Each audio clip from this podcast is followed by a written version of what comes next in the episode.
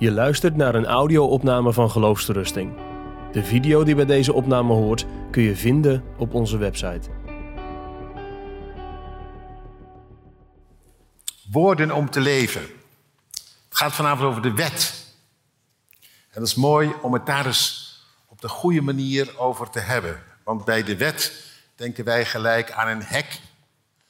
En bij de wet denken we aan wat allemaal niet mag en wat dan moet. En bij de wet denk je misschien vooral ook wel aan een spiegel die jou ontdekt aan je zonde. Zo wordt de wet vaak ook vooral uh, zeg maar, neergezet. De wet ontdekt, want je kunt de wet niet houden. Dus de wet ontdekt aan jouw tekort, aan je schuld. En dat klopt. Maar daarvoor zijn die tien geboden niet gegeven. Echt niet. Dat staat ook nergens in uh, het 19e hoofdstuk van Exodus. Ik geef jullie de wet, dan kun je in de spiegel kijken hoe slecht je bent. Het staat, ik geef jullie de wet omdat je zult leven in mijn verbond, in hoe ik mij verbind aan jullie en dat jullie mij toe zullen behoren. Als een volk van priesters, een koninkrijk van priesters, toegewijd aan mij. Dat je het verschil zult gaan maken in deze wereld. Woorden om te leven. Zo heet het boek waar uh, zo meteen nog wat over wordt gezegd. Ik geef de wet opdat het je goed gaat. Dat je het goed hebt met elkaar. En ga de wet maar na. Als je de wet doet en leeft en oefent, hoe goed dat doet, dan roddel je elkaar niet kapot. Dan leef je niet in ontrouw. Dan uh, ontneem je elkaar niet de eer, want dat is ook diefstal. En dan, uh, ja, dan kun je elkaar het nodige gunnen. En bovendien, God die krijgt een plek in jouw leven, de eerste plek. En één dag in, in de week heb je vrij voor Hem om te genieten van de rust die Hij schenkt. Nou, en zo kan ik nog wel even doorgaan. Als je de wet doet, gaat het je goed. Dan zul je leven, staat er een en ander maal. Prachtig. Daar zit muziek in, daar zit toekomst in.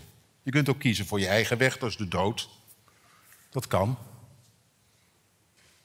Maar God zegt, kies alsjeblieft het leven. Nou, even wat inleidende woorden. De wet. Toch maar even eerst naar dat wat wellicht bekend is. De wet als een spiegel. Of, om het met de woorden van Paulus te zeggen, de wet als tuchtmeester naar Christus. Die jou naar Christus toeslaat omdat jij het niet redt. Omdat jij tekort komt en je dus genade nodig hebt. Zo komt het ook in de catechismus naar voren. Maar dan niet die tien geboden, die komen pas aan het eind. Daar ga ik zo meteen wat over zeggen natuurlijk. Maar de wet als hoofdsom die staat aan het begin van de catechismus. Dat is mooi. Waaruit kent u uw ellende? Niet uit de tien geboden. Althans, zo staat het er niet. Waaruit kent u uw ellende? Uit de wet van God. Hoe luidt die wet?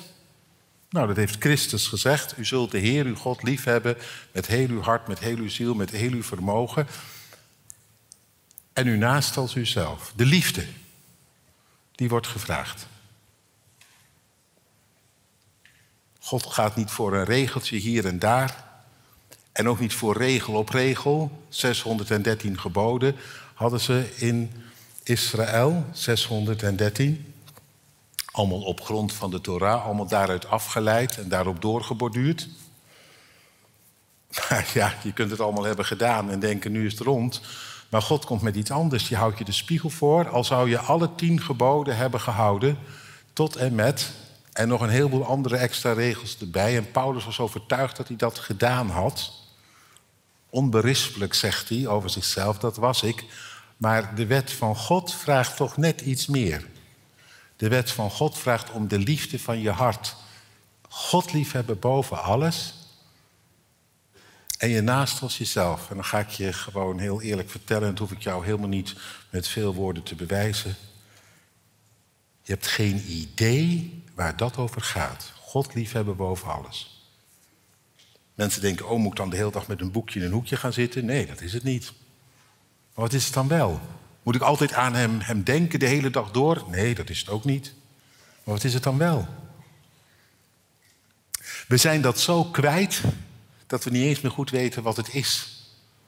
God liefhebben boven alles met heel je hart, met heel je ziel, met heel je verstand, met heel je vermogen, met al wat in je is, hij de nummer één. In een open over en weer en daar nog blij van worden ook. Niet omdat het moet, maar gewoon min of meer vanzelf. Hè? Want liefde is niet iets wat zich laat afdwingen, liefde is iets wat gebeurt. Nou, zie jij het gebeuren bij jezelf? Ik niet. Dus ja, een spiegel en je schrikt je eigen ongeluk. Zelfs wanneer je het heel netjes en keurig voor elkaar had. En dat je misschien wel zat te denken van ja, nou ja, is dit nu genoeg? Nou, als je één keer kijkt in die spiegel die God je voorhoudt van de liefde, dan sta je er gekleurd op. En er is maar één kleur en dat is zwart. En meer niet. Aan alle kanten tekort. En, en voeg dat andere gebod er nog even bij, wat aan het eerste gelijk is. Je naaste liefhebben als jezelf. Mensen zeggen wel zo, oh, het gaat om de liefde. Alsof dat een fluitje van een cent zou wezen. De liefde, niks zo ingewikkeld als de liefde. Hoef ik ook geen lang verhaal van te maken. Liefhebben als jezelf. Ja, een ander aardig vinden, sympathiek. En zeker als iemand jou ook mag. En als die van je eigen soort en kleur is. Nou ja, hoewel, dan valt het ook nog best een beetje tegen, toch? hoeft maar iets te gebeuren en er komt een kink in de kabel van, de, van het goede gevoel, wat je voor de ander had. Ik ga het je nog anders zeggen. Zelfs al raak je stapel verliefd op iemand, dan is het nog een heel probleem om lief te hebben. Weet je dat? Want liefde is iets meer dan verliefdheid, dat snap je ook wel. De liefde is iets van dat de ander er net zoveel de ruimte mag hebben als dat ik mezelf ruimte gun. Dat ik oog en oor en hart heb op een manier dat de andere mij never nooit iets tekort komt. Nou gaat de brand staan. Ik zeg je eerlijk, ik ben 40 jaar getrouwd, al ruim 40 jaar getrouwd. Ik heb een lieve vrouw en ik hou ook van haar en zij van mij. Maar liefhebben als jezelf. Zelfs al ben ik bekeerd, al jaren en dag, al voordat ik haar leerde kennen was ik al bekeerd. En toch nog steeds. Als het om, zelfs als het om je liefste gaat, kom je eraan tekort. Liefhebben als jezelf. Het zit er helemaal niet meer in, de liefde. De liefde is gebroken, toen en daar. Je kent het verhaal. Gebroken is de liefde. En weet je wat we over hebben gehouden? Nou kun je nalezen in Genesis 3. Twee dingen. Met dat de liefde eruit is en je gekozen hebt voor jezelf, kun je naar God toe maar twee dingen doen. Of voor hem kruipen, dat doen ze. Hè? Adam en Eva, als ze zijn stem horen, dan kruipen ze weg. De angst. Of als ze dan tevoorschijn worden geroepen. Waar ben je? En dat is niet omdat God niet wist waar ze zaten, maar ze moeten zelf ontdekken waar ze zitten. Waar ben je? We hadden ons verborgen. Ze komen voor de dag. Hoezo verborgen? We waren bang voor u. Ze moeten zelf gaan ontdekken wat er met hen is gebeurd. In plaats van liefde is er angst gekomen. En, en weet je wat er dan gebeurt? Dan slaat de, als, als je de angst voorbij bent, dan krijg je een grote mond. Dat is het enige wat wij nog kunnen opbrengen. Ga maar nalezen in de Bijbel, Genesis 3. Dan zijn ze niet in tranen. Oh God, wat hebben we toch gedaan? En we zijn de liefde kwijt en dat vinden we zo erg. Helemaal niet. De angst voorbij met dat ze voor de dag komen en dat beleiden. We waren bang voor u, krijgt ineens een grote mond. Dat is het enige wat wij naar God toe hebben overgehouden. Angst. Dat we voor hem wegkruipen of voor hem gaan kruipen. En dat gebeurt veel in de kerk. Proberen we op de een of andere manier weer in de gunst te komen door dit, door dat. Dat hoor ik mensen ook heel vaak zeggen. Ik hoop maar dat het goed genoeg is. Of ze willen goed genoeg worden of weer hard genoeg voor God krijgen. Een soort onmogelijke opgave. Iets waar, de, ja, je jezelf toe opjut en de duivel ja, ook uh, je elke keer uh, als het ware toe aanspoort. Dat is de slavernij, waar Paulus het later in Romeinen 8 over heeft. Het juk van slavernij. Dan moet je iets wat je niet meer kunt. Maar het zit er niet meer in. Angst of een grote mond? En een grote mond hebben ze om je heen in de wereld. Maar het is allemaal uit dezelfde bron. De liefde is gebroken. God is eigenlijk onze tegenpartij geworden. In de Bijbel heet dat vijandschap. En vijandschap uit zich op twee manieren. Je probeert of zo in de gunst te komen dat ja, je op de een of andere manier dat, uh, dat God ook wel naar jou om moet kijken of dat hij je niks kan maken. Of je verzet je, je houdt hem op een afstand, buiten de deur. Je ontloopt hem, je ontvlucht hem. Het zijn de twee manieren van vijandschap. Openlijk en gecamoufleerd dus. In goddeloze vorm en in een vrome jas. Maar het is allemaal vijandschap. En als je kijkt in de spiegel, dan zie je ineens God. Dat wat u vraagt, dat heb ik niet. De liefde. Weet je wat mijn allerdiepste ontdekking was in mijn leven? Ik, ik ga er niet een lang verhaal van maken. Maar tot mijn elfde had ik helemaal niks met God. Kon God mij gestolen worden? Ik, hoe, hoeveel goeds mensen om me heen ook van God lieten zien. Ik had er niks mee, dus dat hielp ook niet. Het zat er bij mij totaal niet in. Ik had me voorgenomen, als ik 18 ben, dan zet ik er een punt achter. Dat wist ik al heel jong. Ik vervloekte het heel letterlijk in mijn hart. En op mijn elfde, toen kwam God voorbij en hij raakte me aan. En ik wist, hij leeft en hij zoekt me. En toen, toen ging ik op zoek.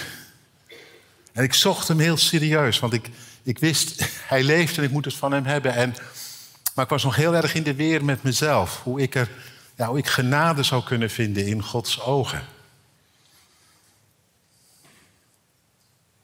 En ik dacht, dan moet je wel ergens aan voldoen. Dan moet je wel echt genoeg berouw hebben en dan moet je er serieus genoeg om bidden, want anders ja, dan kun je het vergeten. En ik probeerde dus door mijn goede gebed of mijn echte gevoel van berouw God over de streep te krijgen. Dat hij naar mij zou omzien. Maar dat was een gecamoufleerde vorm van vijandschap, dat had ik niet door. Maar het was nog steeds niet de liefde. Het was, het was toch proberen op mijn manier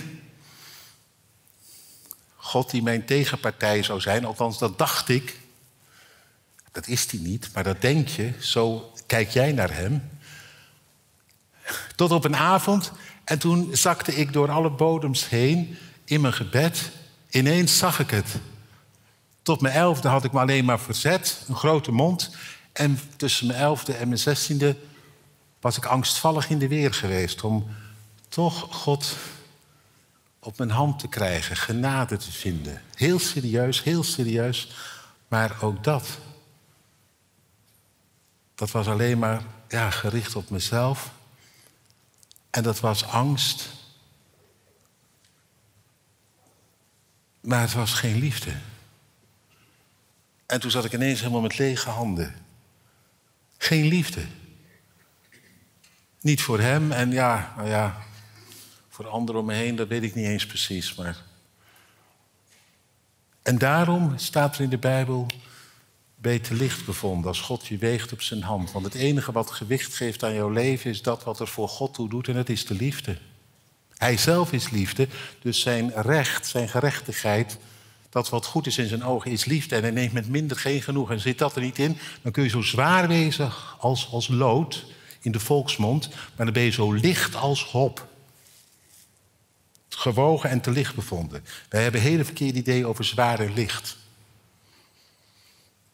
Wij wegen allemaal zo licht als een veertje, want de liefde ontbreekt. Dat wat er gewicht aan geeft. Nou, dat is de spiegel van de wet. Nou, als je dat ontdekt, en dat was die avond, dan moet je als de wiedewaai ja, wat blijft er dan over? Gods genade. Toen ontdekte ik, het is alleen uw hart voor mij. En u bent niet mijn tegenpartij, u bent de barmhartige en daarvoor moet ik het hebben.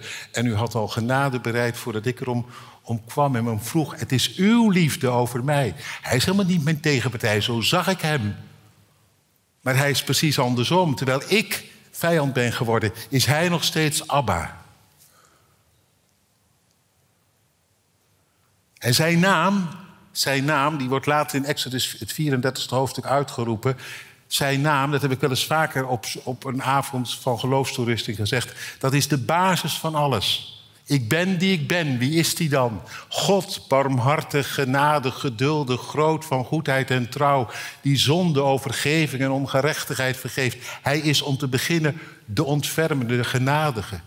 En dat zie je al in Genesis 3. Want als die mens niks anders doet dan of in angst voor God kruipen, of zich brutaal tegen hem verzetten, die vrouw die u me hebt gegeven, die slang, God de schuld geven. Weet je wat hij dan doet? Dan zegt hij niet: Zorgen jullie nou maar eerst eens dat je in de schuld komt en kom dan maar weer eens terug. Dat zegt hij niet, hè? Dat maken wij ervan. Maar dat zegt God helemaal niet. Weet je wat hij zegt? Hij doet er het zwijgen toe. Die angst, die grote mond van ons, hij weet, daar is geen eer meer aan te behalen. Weet je wat hij dan zegt? Dat weten jullie, want dat heb je geleerd op de zonderschool als je erop gezeten hebt met de kerst. Die tekst, weet je wel, de moederbelofte. Dan zegt hij, ik zal, ik zal. Jullie zullen niks meer. Jullie zullen niks meer. Jullie kunnen alleen maar gewoon nu, van nu af aan, zijn wie je bent. Maar ik ben wie ik ben. Ik zal vijandschap zetten. Ik ga het redden. Ik ga die hele tekst nu niet uitleggen, maar dat is zijn antwoord. En zijn antwoord is zijn naam. Ik ben die ik ben. Niet de God die zegt, nou zie maar eens dat je eerst een beetje anders wordt voordat je bij mij aankomt, maar die zegt barmhartig, dat ben ik. Dat komt uit God zelf en vandaar het genadig en geduldig en groot van goedheid en trouw, die schuld en ongerechtigheid en overtreding vergeeft. Want God is vertorend over de zonde, zeker weten. Hij, is, hij heeft er meer moeite mee dan jij en ik hoor. Wij kunnen heel makkelijk onder één hoedje eh, spelen met de zonde. Wij kunnen onze liefdeloosheid heel makkelijk goed praten. Daar kunnen wij prima mee leven. Maar hij niet. Dus hij is heilig. Maar dan moet je het wel over de goede dingen hebben. Dat gaat niet over uiterlijkheden. Dat gaat over dat wat er bij hem toe doet. Dat gaat over de liefde. En waar dat eraan ontbreekt, kan hij niet anders dan vertoornd zijn. God kan er niet mee leven, daar waar de liefde zoek is. Dus dat moet hij veroordelen, dat is me goed ook. God zegt niet, nou ja, vooruit, dan neem ik met een klein beetje genoegen. Nee, dat kan hij niet, dus dat veroordeelt hij. Dat moet, dat moet op de een of andere manier moet dat worden opgeruimd. Maar ja, dat zit dus in ons, dat liefdeloze. Doet hij ons dan weg? Nee. De hele Bijbel is er vol van, jullie hebben er net van gezongen. Het kwaad, dat gaat hij te lijf. Dat roeit hij uit. En jou behoudt hij. Want het eerste woord is niet ik ben die ik ben, vertoornd tot en met. En of ik ooit genadig zal worden, ja, dat zal de vraag zijn. Dat wordt er soms wel van gemaakt, hè? Dat God allereerst vertoornd is. En of hij ooit genadig wordt, dat zal de vraag wezen. Maar het is niet zijn naam. Dat heeft de duivel ervan gemaakt. Die keert altijd alles om. De vrome duivel bedoel ik dan. Want het klinkt natuurlijk reuze vroom om te zeggen: God is vertoornd. En denk maar niet dat jij er zomaar in komt. Maar het is een leugen. Ja, hij is vertoornd over de zonde. Maar hij ziet jou graag komen. Als hij zelfs die twee, die alleen maar een grote mond staan te geven. of in angst voor hem kruipen. geen traantje van berouw. als hij tegen die zegt: Ik zal, ik zal jullie redden. Wat dacht je? En als zijn naam is barmhartig. Wat dacht je? Om te beginnen genadig. Ik wil het kwaad opruimen. Niet door jou eraan te geven, maar door het kwaad. Door dat op te ruimen. Dat is mooi. Hij is gebleven wie hij is. Een God van liefde en genade. Ik ben die ik ben, liefde in die liefde is hij vertoornd over alles wat geen liefde is. En in die liefde gedenkt hij in de toorn aan zijn ontfermen. Woorden uit de Bijbel. En nu kom ik bij de tien geboden. En bij dat negentiende hoofdstuk. Dat is een prachtig hoofdstuk. En misschien dat je het nu een beetje gaat begrijpen. Want Israël was verlost uit Egypte. En wat was er gebeurd? Er was een lam geslacht. De engel van het gericht was aan hun deur voorbij gegaan. Niet omdat ze beter waren dan de Egyptenaren, maar omdat ze schuilden achter het bloed. Er was verzoening gedaan voor hun zonde. En daarom was er voor hen redding. Ze werden niet afgerekend op hun kwaad. God zag hen aan in dat lam, alsof ze geen zonde hadden gedaan. Prachtig, hè? Paascha, Pesach, voorbijgang. De, deur, de engel van het gericht gaat aan hun deur voorbij. En een Egyptenaar die het geloofde en ook bloedstreek aan de deurpost, die werd ook gered. Of die schuilde bij een Israëlitisch gezin, kun je nalezen. Bij hem geen onderscheid. Israël is niet gered omdat ze beter waren dan de rest, maar vanwege het bloed van het lam. En toen, toen zijn ze uitgeleid. Ik ben de Heer uw God die uit, uit Egypteland heeft uitgeleid. Dankzij mijn genade. Een volk dat leeft van genade. Alleen van genade. En nu zegt God, we hebben net gelezen, ik heb jullie gedragen als op adelaarsvleugelen en jullie hier gebracht. Prachtig. Kan ik ook weer niet te veel over zeggen, maar het is zo'n mooi beeld, hè? op adelaarsvleugelen. Dat is later dat beeld, dan die jonge adelaars die moeten leren vliegen, maar die, ja, die zouden te pletter slaan als ze niet door die, die moeder of die vaderarend zouden worden opgevangen. Die adelaar. En, Israël was in de woestijn gevallen, want ze werden achtervolgd door Egypte als God ze niet had opgevangen. En ze door de zee had geleid. Tot aan de Horeb toe. Die jonge vogeltjes worden uit het nest, ja, die moeten eruit, weg uit Egypte. En dan moeten ze gaan lopen op eigen...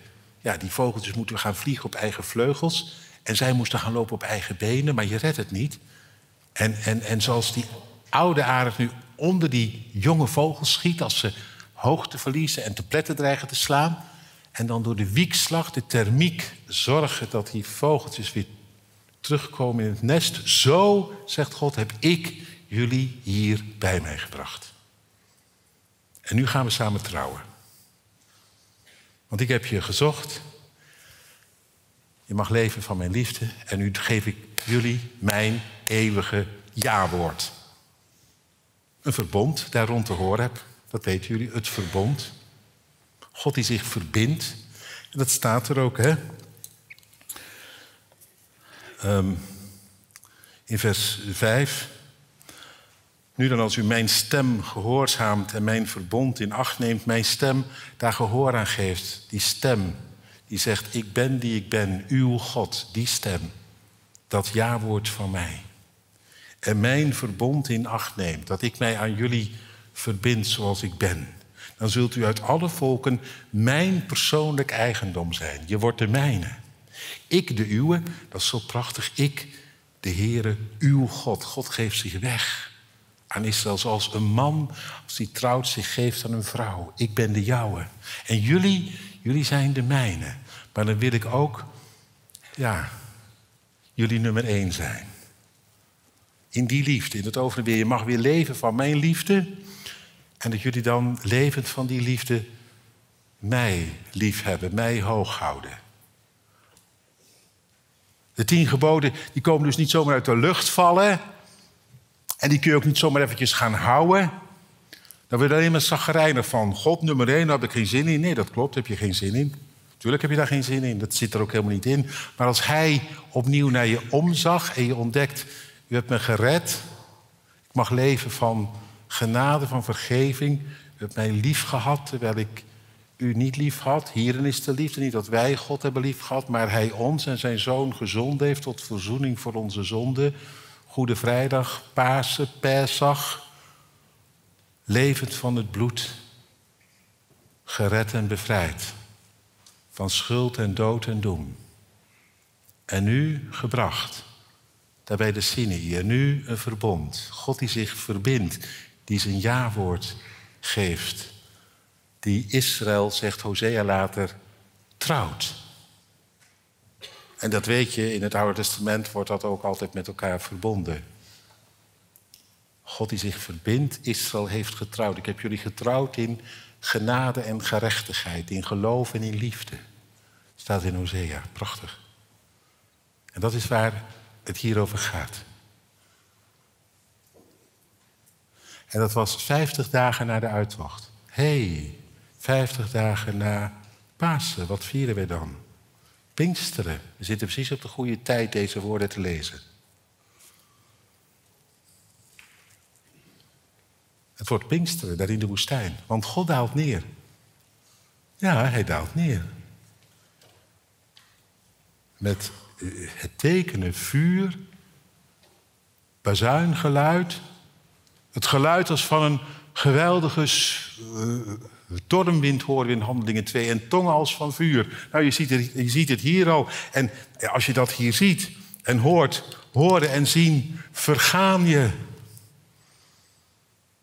In die zin is het nog Oude Testament, zou ik willen zeggen. Het is verzoening, maar nog niet op zo'n manier zoals je het later hebt in het Nieuwe Testament. Daar kom ik zo meteen op. Maar nu dus hier al wel God die afdaalt tot zijn volk, die zich met hen inlaat, heel persoonlijk. En tot hen spreken gaat, hen zijn jawoord geeft, zijn verbond sluit. Het was ook de eerste keer dat Israël de stem van God persoonlijk hoorde. Altijd via die Mozes, maar nu God zelf, die in dat vuur en in die rook en in die wolk afdaalt. Horen en zien vergaan je. Je weet niet wat je meemaakt. Het is echt de hemel die afdaalt tot de aarde. Het is een en al heiligheid. Je kunt ook niet te dicht bijkomen, hebben we gelezen. Je moet die berg niet aanraken. Maar intussen, hij verschijnt en, ja, en Mozes moet naar beneden om, om erbij te zijn als God gaat spreken. En ook om het volk te waarschuwen. Raak de berg niet aan, maar hoor mijn stem. Prachtig hoe dat dan wordt gezegd. Vind ik zo'n mooi zinnetje. Ik weet niet of het je opgevallen is, maar in het 17e vers. En Mozes leidde het volk uit het kamp God tegemoet. Prachtig hè? Het wordt ontmoeting hier. Ze stonden onder aan de berg. Prachtig. Pinksteren in de woestijn. God die afdaalt. Horen en zien vergaan je, maar intussen een stem. Moet je voorstellen. Kun je niet eens voorstellen. Sta je als volk verlost. En wordt het ineens heel persoonlijk. Een stem uit de wolk. Hoorbaar, verstaanbaar. Ik ben die ik ben. Uw God. Die u uit Egypte heeft uitgeleid. Uit het slavenhuis. U zult geen andere goden voor mijn aangezicht hebben. Nee, natuurlijk niet. Wie zou je anders als God willen dan deze, die naar je omzag, die je verloste, die je hebben kan, die je vergaf, die begint met je een hand te reiken, die zijn hart aan je geeft, die zegt: Ik ben er voor u. Mag ik uw hart nu? En geen eigen ideeën erover mij op nahouden. Hè? Niet je eigen beeld bedenken. Geen gesneden beeld. Daar waren ze natuurlijk heel erg mee vertrouwd in Egypte. Allemaal eigen ideetjes over de goden. En daar hadden ze allemaal beelden van. Ja, wij hebben soms ook zo onze beelden. Weg ermee. Laat mij zijn voor jullie wie ik ben. Niks ergers dan dat je er zelf wat van maakt. Van mij een, karikatuur maakt. Mag ik alsjeblieft zijn wie ik ben? Als je dat doet, zal ik barmhartig zijn. Tot in het duizendste geslacht. En anders ga je met je eigen gods beeld te gronden. Ik zeg het even heel kort allemaal. En, en hou mijn naam hoog. Die naam, dat is jouw behoud. Nou, als je van iemand houdt, dan hou je toch de naam van de ander hoog. Jan of, of Rosemarijn of hoe je ook heten mag. Daar moeten ze van afblijven, hè? Van die naam. Terwijl die naam misschien helemaal niet zoveel om het lijf heeft op zich, maar die naam van hem, dat is je redding. Daar zit al je heil in. Dat belooft precies wie die is. Als God zijn naam uitroept, dan spreekt hij zijn hart uit. Hou die naam hoog. Heilig hem. Leef erbij. En dan samen één dag. Ja, ik wil met jullie één dag in de week. Ik snap dat je je werk hebt en dat moet ook. Zes dagen zult u arbeiden, al uw werk doen. Doe uw werk ook ook gewoon met alles wat in u is, daarvoor bent u ook gemaakt. Niet om de hele dag met een boekje in een hoekje te zitten of zo. Of de hele dag je in, uh, aan mij te verliezen. Gewoon je werk doen. Maar één dag, de zevende, dan gaan wij, die gaan we samen vieren. En dan laat je de boel de boel. Zodat je hart niet op de een of andere manier toch zou verliezen aan dit of dat. Maar dat, dat het tussen jou en mij open blijft. En van daaruit ja, de onderlinge verhoudingen. Hou elkaar hoog en word door elkaar gezegend. En niet doden. Ik gaf het leven. En je maakt elkaar niet kapot, letterlijk of figuurlijk. En de echt zul je niet breken, de trouw. Ik ben zelf een en al trouw. En ik wil graag dat jij trouw gaat oefenen en leven naar elkaar. En niet stelen ook. Je blijft met je vingers van alles van de ander af. En, niet, geen vals getuigenis. Dat is alle mogelijke kwaadsprekerij, waardoor je het ander ook kapot maakt. Nou, al die dingen. En dan dat niet begeren, weet je wel. Want begeerte is een wortel van allerlei kwaad. En dat weet je zelf het beste. Nou dat. Het goede leven. Ik wil dat jij zo wandelt dat ik blij van je word. En dat het jou goed gaat. Woorden om te leven. Vanuit de liefde die ik voor je heb. Daar gaat het over. Daar gaat het op Pinkster ook over. Ga ik gelijk door het Nieuw Testament, want ik moet altijd ontzettend opschieten hier. Ik heb maar een half uur. Eh, waar zit Marcel? Hoe lang heb ik nog, Marcel? Wat? Vijf minuten?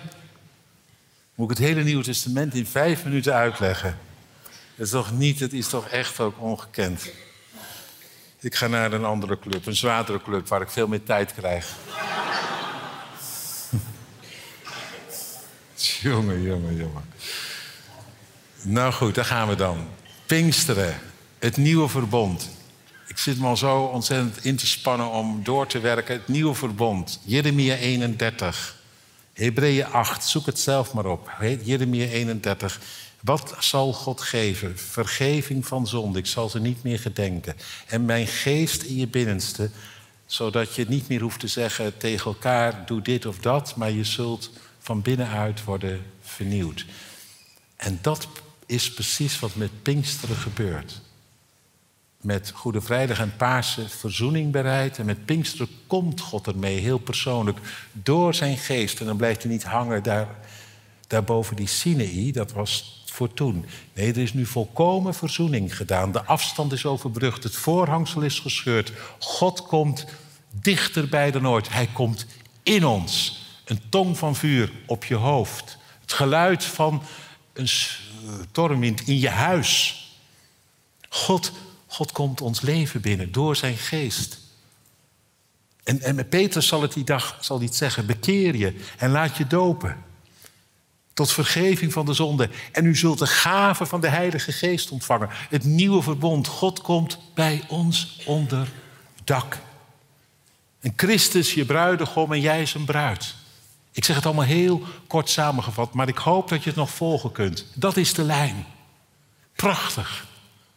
En dat is precies in lijn met het Oude Testament, maar dan op een vervulde manier. En dan van daaruit, ja, dan komen alle tien geboden weer voorbij. Een paar keer in het uh, Nieuwe Testament, dan doet Paulus dat ook. Dan haalt hij gewoon die geboden aan. Daar gaat het om. Nee, niet alleen om, als een spiegel om in te kijken, maar als een, een weg om te gaan. Een wet om naar te leven. En zegt Paulus, ik heb er plezier in, in die weg, in die wet. Ja, maar dan op een nieuwe manier. Niet in dat waar hij eerst mee bezig was om erin te komen. Nee, maar omdat God naar hem heeft omgezien. En hij mag leven van Gods liefde en genade. Zichzelf hervonden heeft in Christus. En, en ja, al die woorden van u, die beloven leven. Ik wil dat doen wat u op uw hart hebt. Dat is het goede. En alles, alle aansporingen en vermaningen uit het Nieuwe Testament, die zijn dan allemaal af te leiden uit de tien geboden. Dat kan ik nou niet, die exercitie met jullie maken, maar dat kun je gewoon zelf checken. Alle aansporingen en vermaningen zijn eigenlijk te herleiden tot de tien geboden. Die zijn het goede leven naar God toe en naar elkaar toe. Want al die aansporingen zijn erop gericht dat je, dat je in gebed volhardt in de omgang met God zelf en blijft in zijn liefde en alle, alle vruchten die dat voortbrengt van goedheid en geduld en genade, die doen een ander goed. Die zullen een ander nooit kapot maken. Dat wat God zeg maar, werkt in jouw leven, maakt een ander nooit kapot. Dat doet een ander goed. Dan word je tot een zegen. Word je zelfs een zegen voor de wereld om je heen. Een licht, een zout. Ga je vrucht dragen in de wereld. vanuit Hem, voor Hem. Komt het goede leven, jouw leven in. Als je God in Christus toebehoort, Hem eh, en Hij, je mag leven van Zijn liefde, staat er dan, wordt Zijn liefde in jou volmaakt. Wat betekent dat?